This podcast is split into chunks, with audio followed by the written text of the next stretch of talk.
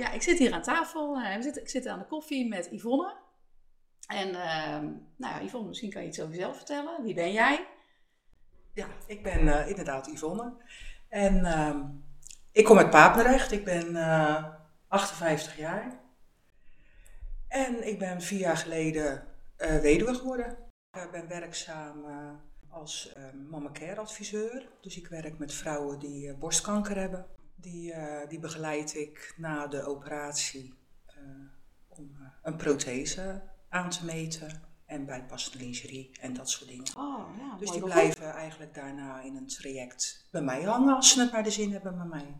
Dus dat is wat ik doe. Wauw, Ja, wat een mooi beroep. ja zeker. Ja, dat is Heel dankbaar, hè, denk ik. Ja, dat is Ja. echt, eh, het mooiste wat je kan hebben. Ja, Vind ik. Jij zal het ook leuk vinden, je werk. Maar zeker.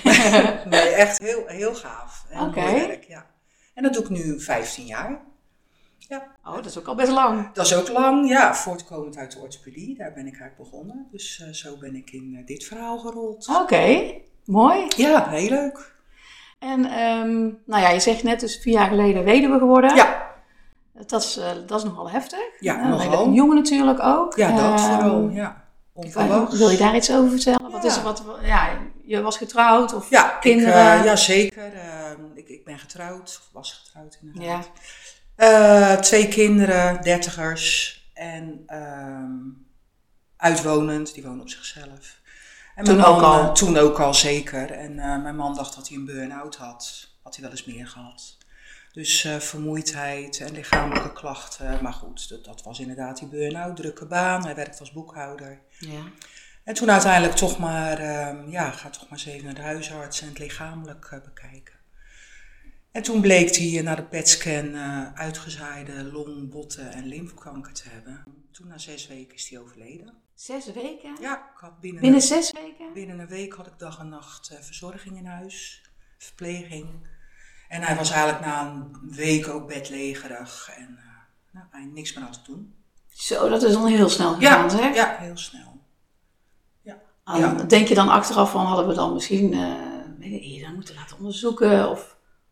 Mm, ja, Of hoe- va- vast wel, hè? Want je hebt best wel gesprekken, ja, heb ik met mijn man toen gehad van, eh, ja, denk je niet dat het, ik ben nogal rechtstreeks, denk je niet dat Ja. het kanker is? Zeg ik, nee, nee joh, dat is gewoon een burn-out en er niks aan de hand. Dus eigenlijk voelde hij lichamelijk niet echt heel veel eh, pijn of zo op dat moment? Nou ja, ik had de indruk van wel, want ik bedoel, ik had zoiets van, ik snap het allemaal niet, want het gaat gewoon niet goed met je. Ik wou dat je in het gips zat, dan wist ik wat er aan de hand ja, was. ja, Als dit, weet het is je zo wel. vaak. Ja, Ja, Maar goed, ehm, hij was geen klagerd. Maar ja, goed, wel pijn gehad achteraf. Ach, Dus eh, ja, dus uiteindelijk eh, met dan kom je in een rollercoaster natuurlijk. Daarna. Nee, ook Nou, tijdens dat... eh, ja, maar die zes weken mag ik wel eh, zeggen dat dat hele bijzondere weken zijn geweest. Hij heeft ervoor gezorgd, mijn man, dat het gewoon superweken waren. Tuurlijk, heel veel wijn en Franse kaas en muziek en gezelligheid. We hebben het echt heel mooi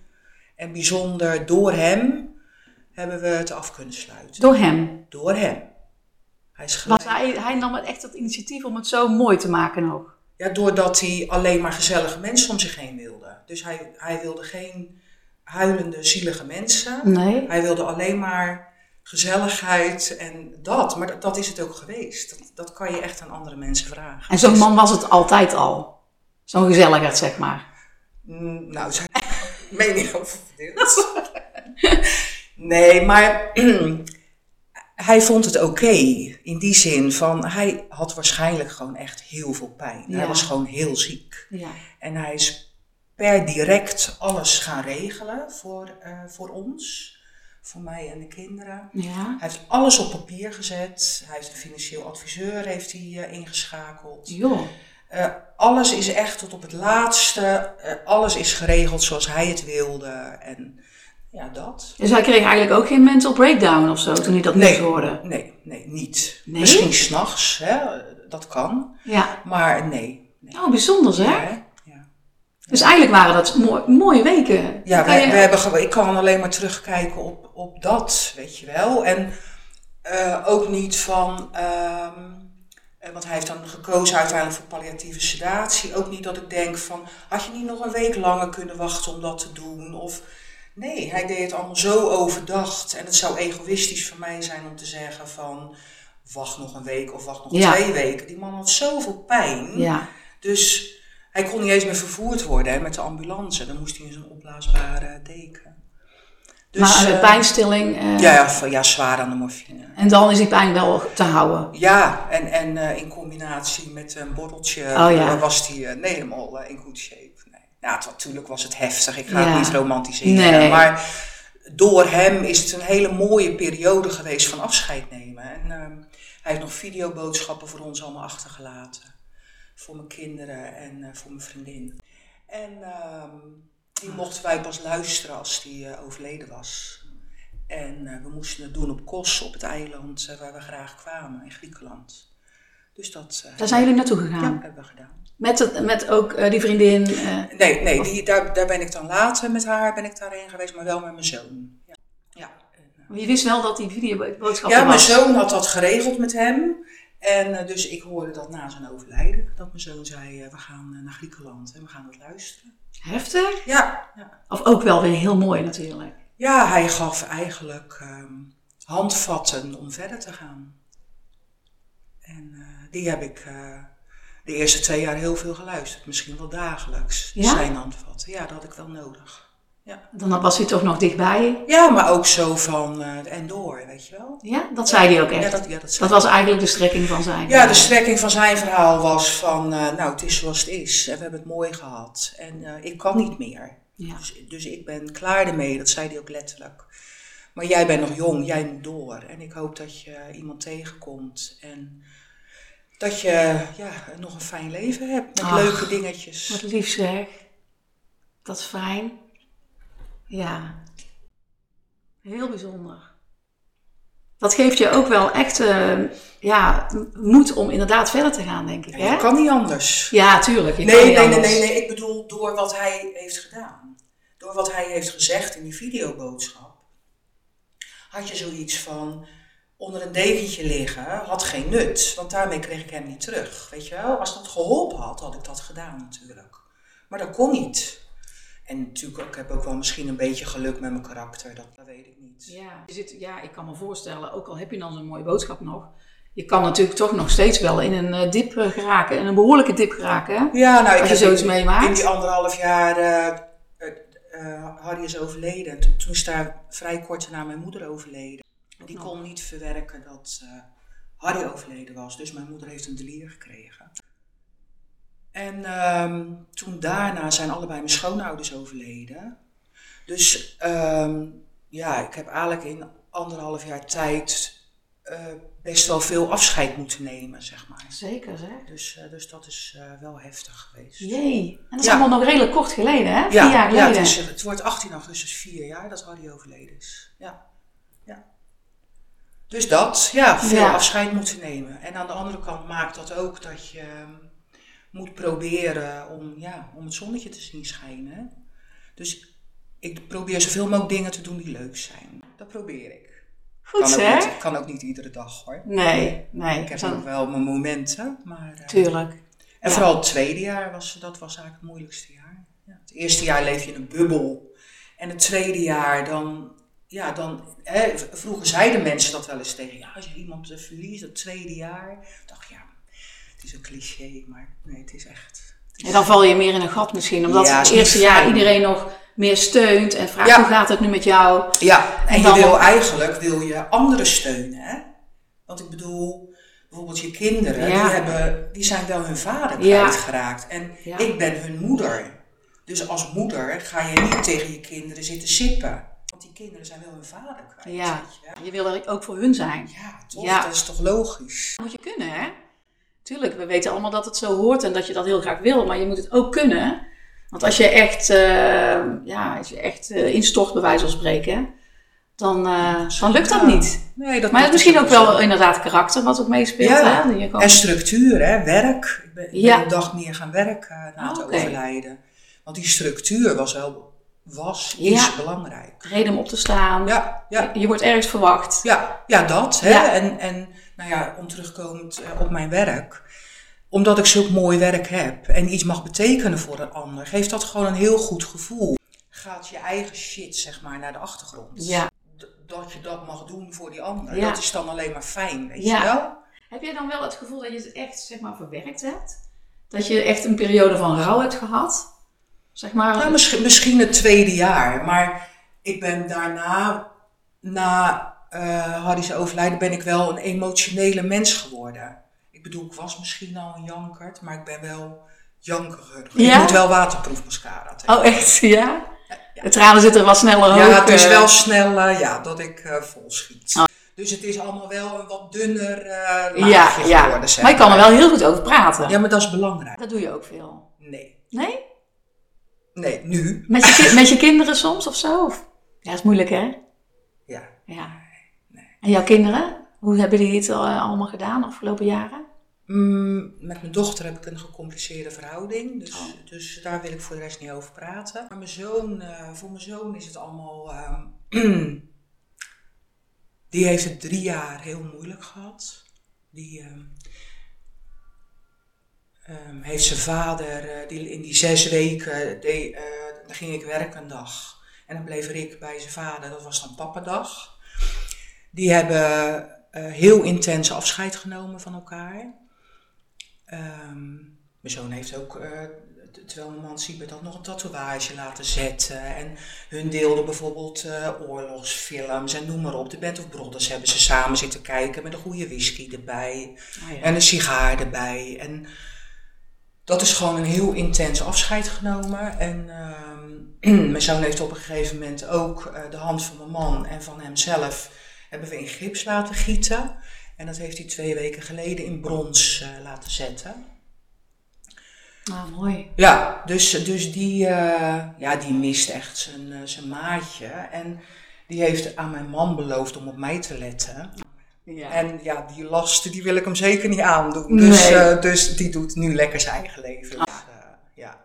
dus, maar mijn zoon begint nu het laatste jaar, ja, dat ik zeg van, eh, begint hij het wel goed te doen. Tenminste, is hij weer een beetje bezig om zijn eigen leven te zetten. Hij had wel een eigen leven, want hij heeft een eigen huis en een goede baan en veel in het buitenland voor zijn werk. ja. Dus hij, hij is prima ook.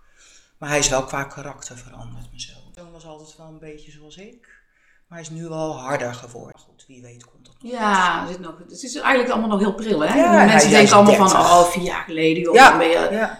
Maar eh, het is echt gewoon, eh dat gaat eigenlijk nooit echt over, hè? Het blijft altijd natuurlijk een groot verdriet. En ehm, ja, je leert ermee omgaan. En, Ja. eh, ja, sommige mensen zeggen dan wel van, ja, veel over praten helpt mij wel. Nee, de herinneringen, dat mensen- koester je. Herinneringen koester je. Ja. En dat kan, je, dat kan je niet delen met een ander, weet je wel. Dat, dat is van jezelf. Dat is natuurlijk een huwelijk. Dat intense, dat, dat heb je alleen maar samen. Dat deel je niet met anderen. Dat zijn herinneringen in je huis. Ik weet wel dat toen Harry net overleden was, wilde ik ook verhuizen. Nou, dank God op mijn blote knieën dat ik dat niet gedaan heb. Want hoe lekker is het gewoon op de plek te blijven waar je jaren gewoond hebt samen. ja, en dat kon ook. Want ik kan me voorstellen, ja, ik weet niet hoe het financieel dan is. eh, Ja, dat kon. Doordat eh, wij een eh, overlijdensrisicoverzekering hadden, is mijn huis zo goed als vrijgekomen. Oh, dat is fijn. Dus dat maakte dat ik, eh, want ja, ik werk parttime, dus met mijn salaris zou ik dat allemaal niet op kunnen brengen.